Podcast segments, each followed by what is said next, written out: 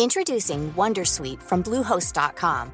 Website creation is hard, but now with Bluehost, you can answer a few simple questions about your business and get a unique WordPress website or store right away. From there, you can customize your design, colors, and content. And Bluehost automatically helps you get found in search engines like Google and Bing.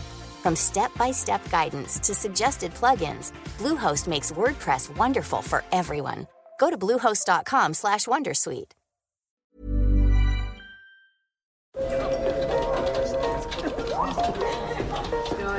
Dette er lyden av norsk næringsliv. Akkurat nå tas det små og store valg som kan bli avgjørende for fremtiden. Med økonomisystemet X-Leger tas disse beslutningene basert på informasjon i sanntid, slik at drømmer og ambisjoner kan bli virkelighet. Få kontroll og oversikt. Gå inn på xledger.no. Denne sendingen er sponset av Xleger.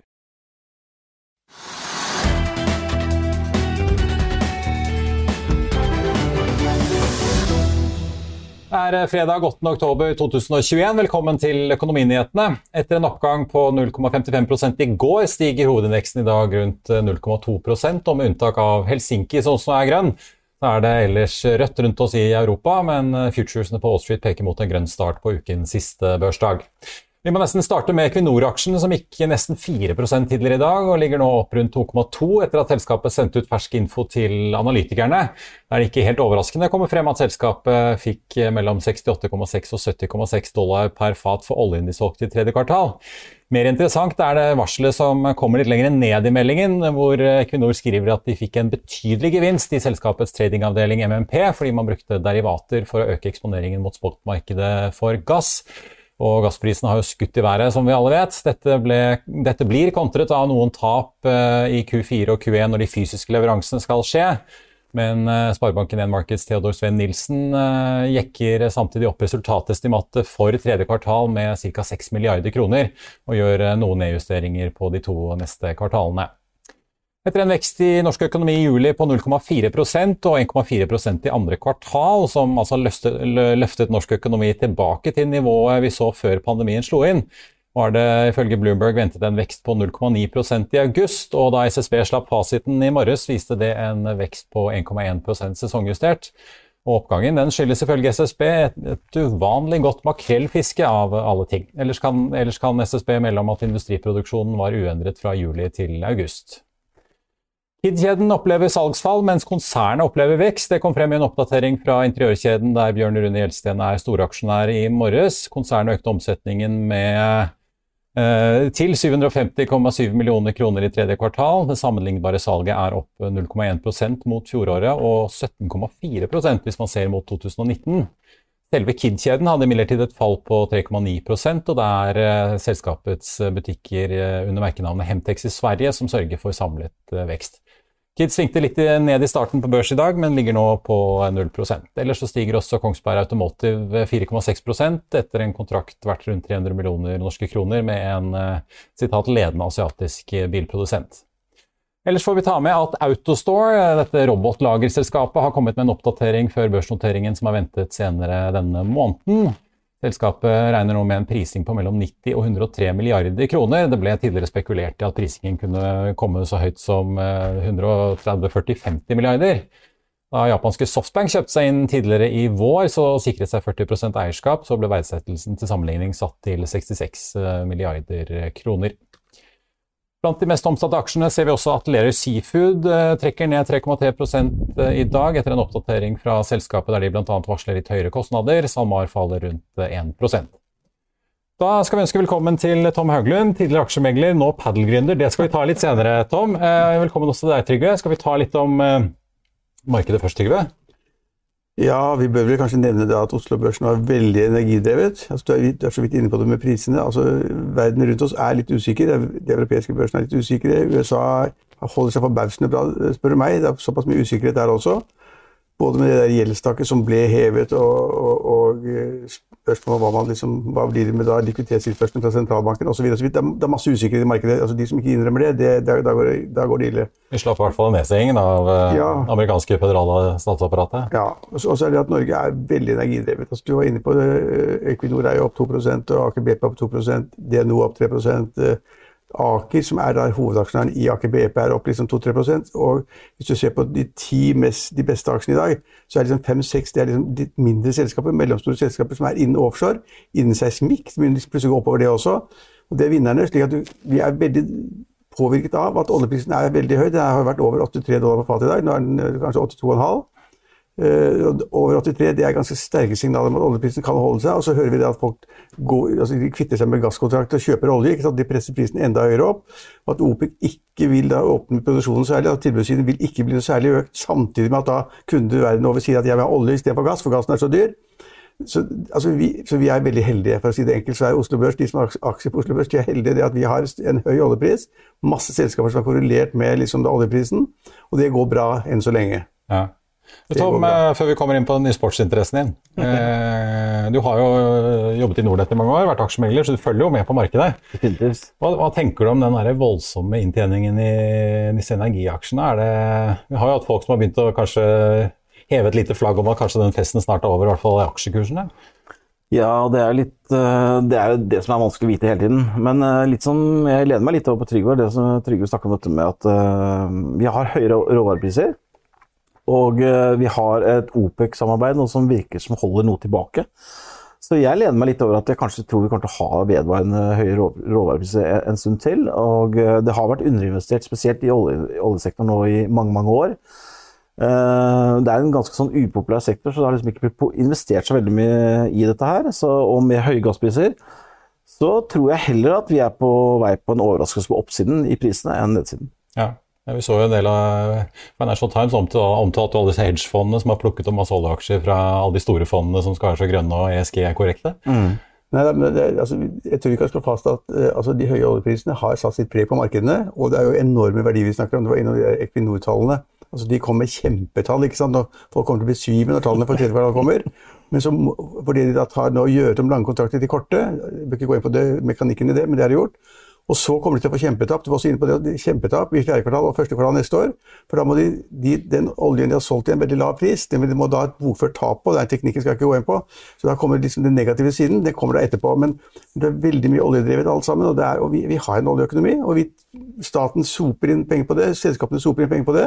Og små selskaper som har drevet dårlig tidligere, med dårlig balanse, vært i gjeldsforhandlinger, plutselig så liksom kan de drive litt til. Det er den ene siden, og det er kjempepositivt. Og så har vi på den andre siden så er vi så heldige at vi har en vanvittig sterk shippingsektor, hvor da liksom tørrgass har gått bra, containerfart har gått bra, eh, gasskraften kom selvfølgelig, gassfarten kom nå. Så, og det er masse mennesker med mye penger, og de kjøper og selger skip. Det har liksom blitt sånn aktiv trening på, på skip igjen. Det var liksom i 80-årene, altså de er tilbake dit. Og folk har, de har så mye penger at de vet ikke hva de skal gjøre av det, og da kjøper man en tørrlastskip en dag, og så kjøper man en containerskip neste dag, og så selger man det til en uke eller to uker, som da Arne Bystad har gjort. De, de, t- tradet i containere og containerskip og i tørrlastskip. Så vi er liksom heldige vi har oljesektoren på den ene siden som gir oss masse inntekter og høye aksjekurser. Så har vi også en shippingsektor som går som barakkeren. Så på et eller annet tidspunkt liksom er det skummelt liksom, kan dette vare. For det er ikke alle land som har en oljesektor. Og det er veldig få land som har en shippingsektor. Men vi, er der på, vi skal være i begge tilfellene. Så har vi fisk i tillegg. Fisk i tillegg. Det er, noe, det er litt ned i dag, faktisk, da, de, de fiskeaksjene. men- ta, Tom, hvordan leser du det? Altså, litt, altså, hele denne gjen, gjenåpningen av verdenssamfunnet har jo liksom sklidd ut ikke bare energi, men vi ser jo containerrater. Altså, det er jo mangel etter lastebilsjåfører både i Europa og USA, og Storbritannia er jo et kapittel for seg selv. Hvor lenge tror du liksom, de der, hvis vi kan kalle det voksesmertene vil vare? Det er vanskelig å si, men uh, altså fra den lille verden jeg lever i om dagen, med, hvor, med padel, så ser vi det at det er veldig overførbart på alt fra racket til baller og alt som kommer fra Asia. Uh, og de tilbakemeldingene jeg får, det er at uh, altså den Evergreen-greiene som skjedde i Suezkanalen her, de fire, fem, seks dagene som det holdt på, det får så store logistikkproblemer at mange snakker om at det vil va- vedvare kanskje opptil to år da, før de får kontroll på, på Og henter seg inn igjen, liksom. Og vi ser at fraktprisen har gått, som dere sikkert har snakket om tidligere i studiet, opp 600% var det der prisen har gått på å frakte varer. da. Så det um, Ja, Mersk skal vel eh, snart miste tellingen på hvor mange ganger de må oppdatere markedet med økte estimater. ja. Men eh, så er, hva ser dere da? Dere skal jo da bygge ut dette padelsenteret. Er liksom er det forsinkelser, eller er det prisøkninger? Hva? Definitivt. Vi ser at eh, leverandørene sliter veldig med, med å få levert. Eh, Vi ser store aktører som Head og disse verdens største som rett og slett ikke får det de, får bestilt. Og det handler jo om leveringsproblemer fra spesielt Taiwan og, og Malaysia. Men eh, det fikk vi ganske tidlig indikasjoner på, og det har vært frykt for at man ikke skulle ha noen padelballer etter nyttår. Liksom, for dette, dette er vedvarende. Så vi har som sagt kjøpt inn noen baller som vi i hvert fall har til neste sommer. Hva koster, lag- hva koster en ball? Det er, litt, det er som tennisballer, Ja, egentlig. hva er det? Ti, Ja, vi- kroner? Ja, ti kroner ball. Ti kroner ball. Riktig. Men eh, det er kjedelig å stå der uten baller. og- Da, får du, da blir det ikke mye press. det er, er verre uten racket, for ballet kan Ja. sparke. Så det, nei, så det, det er morsomt å se at dette her er, det, er, det gjelder liksom ikke bare Det er spesielt containermarkedet. Det det, eh, Sødling i Sverige for eksempel, som de skal få en container i måneden med baller. Nå svarer de på at de vet ikke når han kommer, ikke sant? for det er så mye logistikkproblemer. Er han, han, han fant to med nede i Stavanger. Er ikke han bygger et sånt anlegg også? Er ikke han med? Måser det? Må- Ja, han, Jo, jo, han, han- maser seg vel til ballen, da. Ja, for han er, vi må nesten kan ikke du ta opp en av de rekkene? Altså, Jo, jeg må ta opp to, for ellers blir de så sure. De der For de som ikke kan dette, det er jo altså en kombinasjon av squash eller hybrid av squash og tennis. Ja, så her kan du kjenne selv på rekten. Så Er det, er det racketen? Ja. Jeg trodde det var trekket på racketen. Ja. Nei. Det er racketen, altså. Så dette er rekten. Så det, det som er litt morsomt med sporten, her, er jo det at den er jo veldig høy mestring tidlig. Og det handler om at uh, treffpunktet er så nærme hånden din. Så at når du slår, så er det veldig mange som får det til veldig fort. Første gang Ja, for det er så lett, ikke sant? Er Tennis, tennis krever litt kunnskap, men dette her kan du bare stå og veive av gårde. Ik- Ikke helst ikke veien for mye, men eh, er tennis, altså det å begynne tennis i voksen alder, det er nesten håpløst. Ja, det er nesten opptatt. Men padel, første, første gang du prøver det, så har jeg nesten opplevd til, til gode å oppleve at noen prøver det og sier at dette her var ikke noe for meg. Så folk syns det er gøy. Sånn der eh, skumgummiaktig Ja, og så er, det, så er det jo fire stykker innpå Ja, for det er en to squashaktig bane, eller? Ja, du har innglasset liten tennisbane Det er en, pa- det er en avart av, av squash, altså. og tennis. Du Ja, får og mer til gode ja, ja. for tennis, egentlig, for det er med nett og sånn. da. Og så kommer i tennis, altså hvis du spiller tennis og du begynner noen slår en god ball, så forsvinner ballen til siden og bort. Her går den i bakklasse og kommer ut igjen. Så det gjør at du får veldig mye ballvekslinger, og det er veldig sosialt og veldig gøy. Så det, det er definitivt en sport som nå bare eksploderer i Europa. Hvor mange haller er bygget? I Norge så tror jeg kanskje vi har 100 baner. I Sverige er det vel 3500. 100, 100 baner, ja. Ja, det er altfor lite foreløpig i Norge. Men det er vanskelig, og det er problematisk å få tak i logistikkbygg i, i storbyene. Fordi at alt bygges om til bolig. Ja. Eh, det er Ja, for du må ha liksom en idrettshall eller et eller annet du kan ja, bygge om. det, det er mye logistikkhaller som bygges om til padelsenter. I Sverige er det jo 350 baner bare i Stockholm. I Oslo er det vel 40. Jeg satt og så på en debatt i, går på NRK. De snakket om parkering og sånn. Da var det nye forslaget fra eh, altså, Miljøpartiet De Grønne. Det var da at man skulle da, det skulle være forbudt å parkere hos arbeidsgiver. Og du må betale for det. Ja, eller betale mye eller forbudt. Men da kan du bare overta til å bygge haller i alle, alle disse garasjeanleggene. Ja, nei, det er, det er, vi, har mange, vi har mange kule ideer. Ja, skal du konvertere Ibsen-garasjen til, eh, til? Men altså Hvis de ansatte ikke vil betale for å parkere hos meg, ikke sant? så er jeg nødt til å gjøre noe annet. Ja. Man kan ta fire sånne tennisbaner. Follo kan være du får eh, billig tatt av Trygve. Ja, Men, ja, billig tror jeg ikke på. men altså, hvis, apropos eh, Bjørn Måseide er jo en av de som har gått inn dette her. Ja. I Sverige ser vi Zlatan Ibrahimovic har gått inn. Eh, hvor mye går dere inn med dette her, da? Du, Vi har vært veldig heldige. Jeg og min eh, barndomskompis Harald Koman vi har jo kommet på den ideen eh, og fikk med oss eh, Ragde Eiendom og en del kule investorer. Så Han har jo masse penger.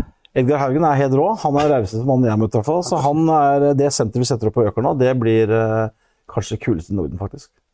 Det er et anlegg består det av én bane, eller består det av mange Vi har elleve baner. I ett anlegg. 4000 kvadrat. Det er Ja, svært. altså ett anlegg og Et anlegg, hvor mange baner? Elleve. Det er mye, det. Ja, det er svært. Og så har vi sett golfsimulator, og så setter vi opp et senter til nå i mars. Det blir to sentre i Oslo. Men hva tror dere om eh, altså Apropos treningsmarkedet. Det er jo, dere konkurrerer jo sånn sett litt med Sats og mange av disse andre. Eh, EVO og alle som tilbyr å holde folk i form. Eh, Ja, det- hvordan, er- hvordan, liksom, hvordan virker det som? Virker det som folk er liksom gira på å komme tilbake? Veldig, og jeg tror ikke vi kommer til å stjele for mye kunder av Sats sånn sett. Men det, det vi opplever, er at bedriftene har jo hatt sine ansatte sittende inne eh, sperret over et år. Vi ser en veldig stor interesse fra bedriftene. Vi får veldig mye henvendelser fra To bedriftene. år. To år, ja. Eh, få de ansatte ut, gjøre sosiale ting. Eh, Oslo er egentlig en by som ikke har så altfor mye å by på, så vi tror dette er et, vel, et padel er et morsomt tilskudd til, eh, til det sosiale. Ja. Så Hva, hva kostet en sånn racket? den koster et par tusen kroner. Par tusen? Ja, du syns det var billig? Ja? Billig- Ja, billig, ja. Du vet, de den her holder helt til. Ja. Den tennisen må du gå strenge Ja, de kan jo ryke, og hvis man er litt hissig på banen. det er evigvarende, for det er sånn Og det koster egentlig tre. Tenkte jeg å slå litt. Men er, det, er dere Ja, så det er foreløpig er liksom interessen der ute. Når er det dere åpner, forresten? Vi åpner om 14 dager i Nordic Paddle, og det er, eh, det er bare å komme på besøk opp på Økeren. Det blir helt fantastisk. Ja. Men er det liksom fulle lister fra dag én, Ja, vi begynner å måtte si nei til Vi vil jo ha mye mennesker inn, fordi at vi har en naturlig flow av nye folk som prøver dette her. Så som et godt eksempel, vi hadde jo BE, har jo gjort en avtale med BE. Eh, De hadde 20 stykker her nå eh, for et halvt år siden, og nå, har vi begynt nå hadde de 177. Vi må begynne å stoppe det. Så det er, det er helt utrolig hvilken interesse det er Det, for det, sosiale, det sosiale poenget er interessant og ganske morsomt. Du vet det kanskje ikke, men jeg er den eneste i Norge som noen gang har hatt privat sportsbane. Å ja. Ja. Såpass, ja. I kjelleren oppe på Nordberg, og vi hadde kontor der. Ja, det, var, det det, var, det var fantastisk positivt, selvfølgelig. Vi spilte og spilte døgnet Det er veldig gøy. hver dag. Men på, har dere, Vi snakket jo litt om plank, eh, terrasseplank, men har dere merket liksom eh, kostnadspresset i byggebransjen, eller? Ja, enormt, faktisk. Vi har jo holdt på et års tid, og eh, hadde ikke vært for at vi hadde en veldig raus gårdeier, så tror jeg vi hadde slitt veldig. Det har vært Det er alt fra, som du sier, sponplater, glass, gardiner det, det er ingenting som ikke er forsinkelse på, og det er i hvert, fall 40-50 kostnadsøkning på, i alle ledd, vil jeg si. Du får ikke tak i maler, nesten. Så det er, ja, det er, det er, helt utrolig. Vi, vi har jo ett prosjekt, men det, er, det er ganske bemerkelsesverdig hvor stor prisøkning det har vært på alt. Alt du skal levere, egentlig. Du får ansette folk selv, da. Henter i Polen og Litauen og sånn. Ja, men det er sånn som et, ett eksempel. Vi bygger en ProShop nå. Den koster 150 000. Eh, nå skal vi bygge en ny en fem måneder på. Da er det 200 000. Ja. Fordi at det, det er råvarer Da skjer det noe med kalkylene Ja, i helt- Så er, prosjektet. det er marginer borte, da. Hele prosjektet er ferdig. Pro- Nei, prosjektet, prosjektet lever.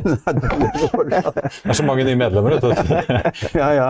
Men helt på tampen, eh, Tom, da, så får vi ønske deg lykke til med senteret. Eh, Men helt på tampen, eh, nå som kvartalssesongen er rett rundt hjørnet, er det, liksom, er det noe spesielt du går og venter på eller følger med på? Litt apropos trigger eller sånn konturer man kan se for å skjønne hvor lenge den oppturen varer i energi og råvarer og frakt? Og... Det er vanskelig å si, men altså, de tingene som jeg sitter og følger med på, som jeg egentlig alltid har gjort, men er jo litt, jeg er litt nysgjerrig på inflasjon nå. For vi ser jo, sånn som vi snakker om gasspriser, oljepriser, vi ser inflasjonspress i alle sektorer som jeg har vært borti nå, med, i, i, i byggebransjen også. Og dette er ikke bare hos oss, det gjelder i alle ledd. Eh, Så det jeg tror, det jeg kommer til å følge tett på fremover, det er faktisk inflasjonen. Eh, Og når det gjelder markeder, så er det selvfølgelig morsomt, og jeg gleder, jeg gleder meg til å lese inneværende kvartal én ting, men hva disse energiselskapene nå kommuniserer om hvordan, hvordan de ser for seg det neste halvåret og neste kvartalet, det syns jeg er litt spennende å høre. Jeg tror både prognosene til eh, oljeselskapene og containerrederiene Ja. blir interessant lesning. Definitivt. Ja. Lykke til med senteret. Tusen takk. Så får vi håpe at det blir nok medlemmer til at regnestykket går opp eh, likevel. Det tror jeg det gjør. Gleder meg til å se Trygve eh, Sett opp, sett opp får skaffe seg litt billigere rekketall. Du får ta med deg Trygve og så gjøre en deal på noe sånn omkomsttilbud. Jeg, jeg vet det. jeg få orden på kneet mitt, så skal jeg melde meg. Ja, veldig bra. Takk skal dere ha, og god helg. Dette er lyden av norsk næringsliv. Akkurat nå tas det små og store valg som kan bli avgjørende for fremtiden. Med økonomisystemet X-Ledger tas disse beslutningene basert på informasjon i samtid, slik at drømmer og ambisjoner kan bli virkelighet. Få kontroll og oversikt, gå inn på xledger.no. Denne episoden er sponset av van Brun, en fremtredende smykkeforhandler kjent for sitt brede utvalg av forlovelsesringer, gifteringer og diamantsmykker som bæres og elskes i generasjoner. Et frieri er en av de største øyeblikkene i livet, hvor forlovelsesringen er et tidløst symbol på kjærligheten. Valget av ring krever omtanke for både hvilket metall og diamant, med et bredt spekter av både naturlige og labdyrkede diamanter, og metaller som platina, gult gull, hvitt gull og roségull, hjelper de deg med å sette et personlig preg på din kjærlighetshistorie. Van Brun vil gjerne invitere deg til å prøve på tre av dine favorittringer fra nettsiden helt kostnadsfritt. Du kan også låne et bredt spekter av frieriringer, slik at du og din forlovede kan velge en ring sammen etter det store ja. Van Brun tilbyr 90 dagers åpent kjøp og 90 dagers gratis størrelsesjustering. Utforsk deres eksklusive sortiment i luksuriøse omgivelser. Bokk en konsultasjon sammen med en diamantekspert i deres showroom i Oslo. Eller online på vanbrun.com. V-a-n-b-r-u-u-n.com. Begge to.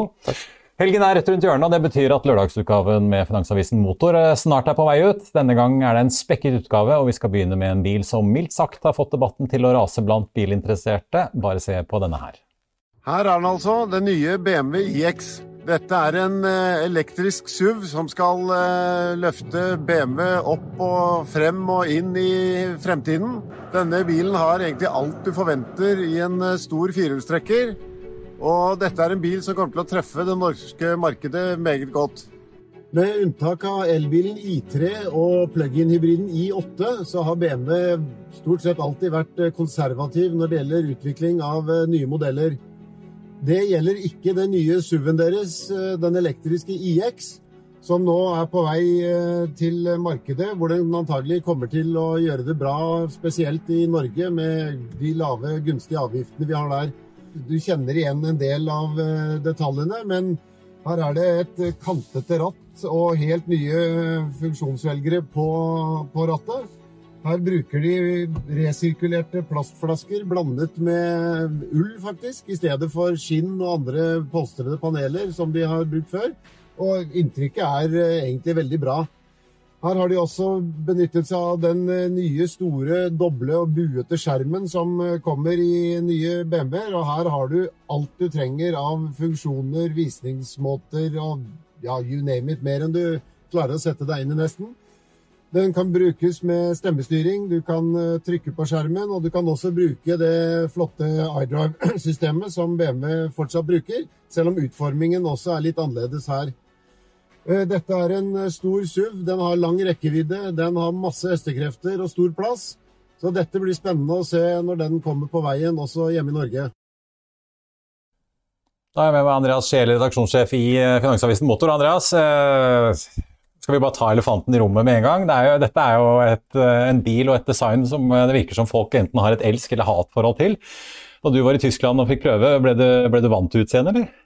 Ja, det blir man jo. Man legger jo merke til at dette er noe annet enn det man har sett før. For denne grillen har vi jo sett så vidt på 4-serien og M3 tidligere. Men den er veldig dominerende. Men dette er jo en helt ny bil på alle mulige måter. Altså BMW har lagd elbiler før.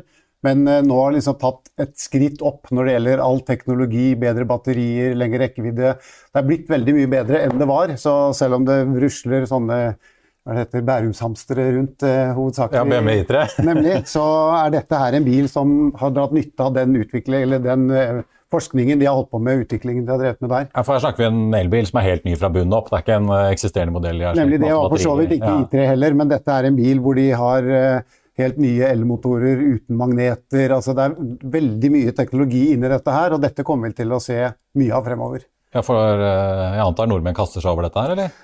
Dette, Hvor mange som er bestilt, vil de ikke si. De har sagt at det er mange tusen. og Den kommer jo foreløpig i to utgaver. og Den eh, som vi har kjørt her, denne ekstra Extra 50 med 63 mils rekkevidde, den kommer ikke før litt utpå neste år.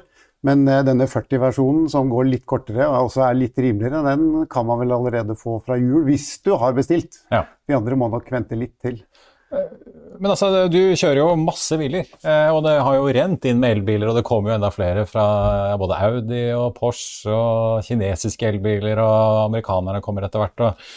eh, er, liksom, er BMW nå hakket over, eller er det sånn at de nå matcher Audi E-tron, liksom? Ja, men det går så fort at uh, tidligere så tok utvikling av biler mange år. Nå kommer det nye elbiler hvert år fra flere. og det som kom i fjor er nesten litt gammelt allerede i forhold, for det skjer så mye på den utviklingen. og Ikke minst i Norge, hvor da elbiler nå er totalt dominerende. Var det I september så var det 2,3% av bilene som var diesel. Og for 15 år siden så var det 75 Ja. Så dette skjer, det skjer voldsomt nå. Det er, eh, det er jo bare el som gjelder, plug-in også selvfølgelig foreløpig. Men eh, det går veldig fort den veien her, fortere enn man egentlig trodde. Og politikernes mål om å bare selge nullutslippsbiler i 2025, det, det ser ut som de kan klare det, nesten. Altså, med det nærmer seg i hvert fall det territoriet. som er nå, ja. Du, eh, denne kan du lese om lørdag, men du har jo titt på en annen bil som du ikke har lov til å snakke så veldig mye om ennå. Eh, men vi får jo si hvilken det er og litt hvordan den ser ut. Det er nemlig ikke en SUV, men en sedan. Ja, eller en eh, Grand Coupé, for den er jo egentlig basert på denne BMW 4-serie Grand Coupé. Så en treserie med litt kulere avslutning bak, stor bakluke. men det spesielle med den er jo at dette er en elbil som er en sportsbil, egentlig. Kjøremaskin.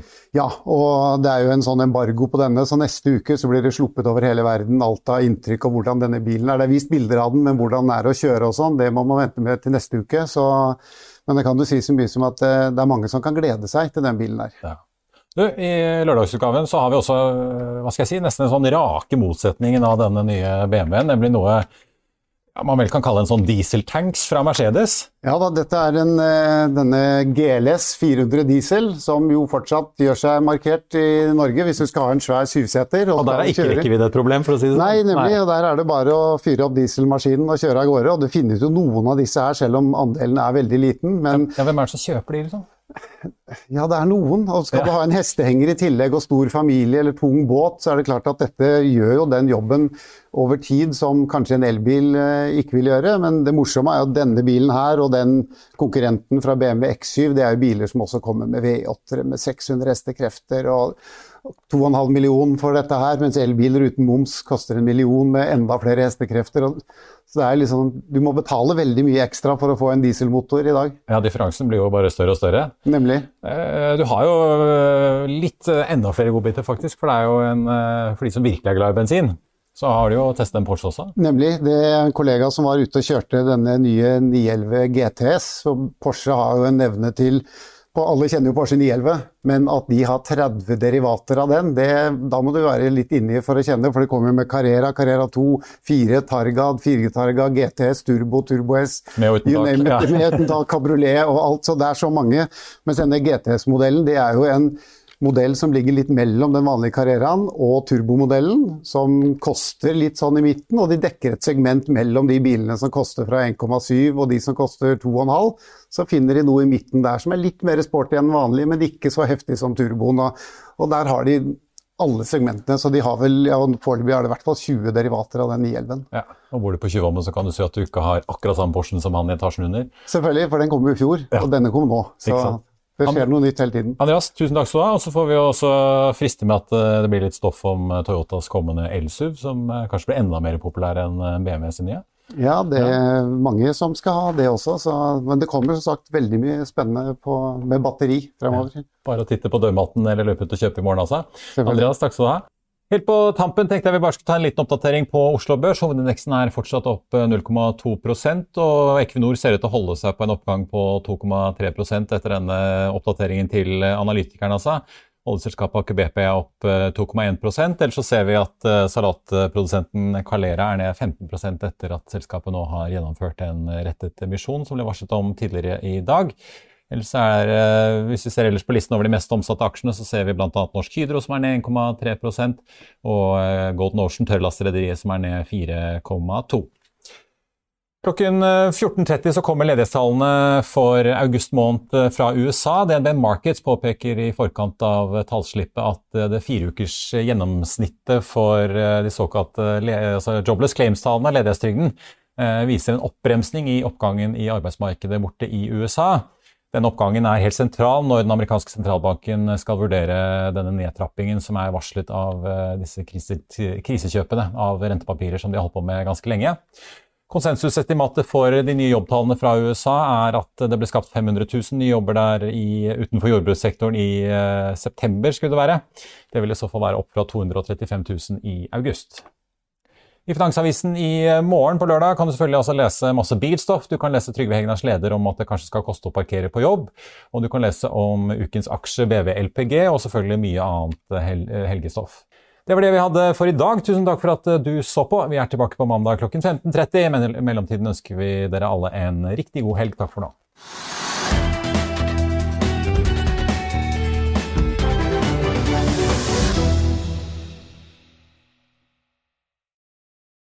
Denne sendingen er sponset av Xleger.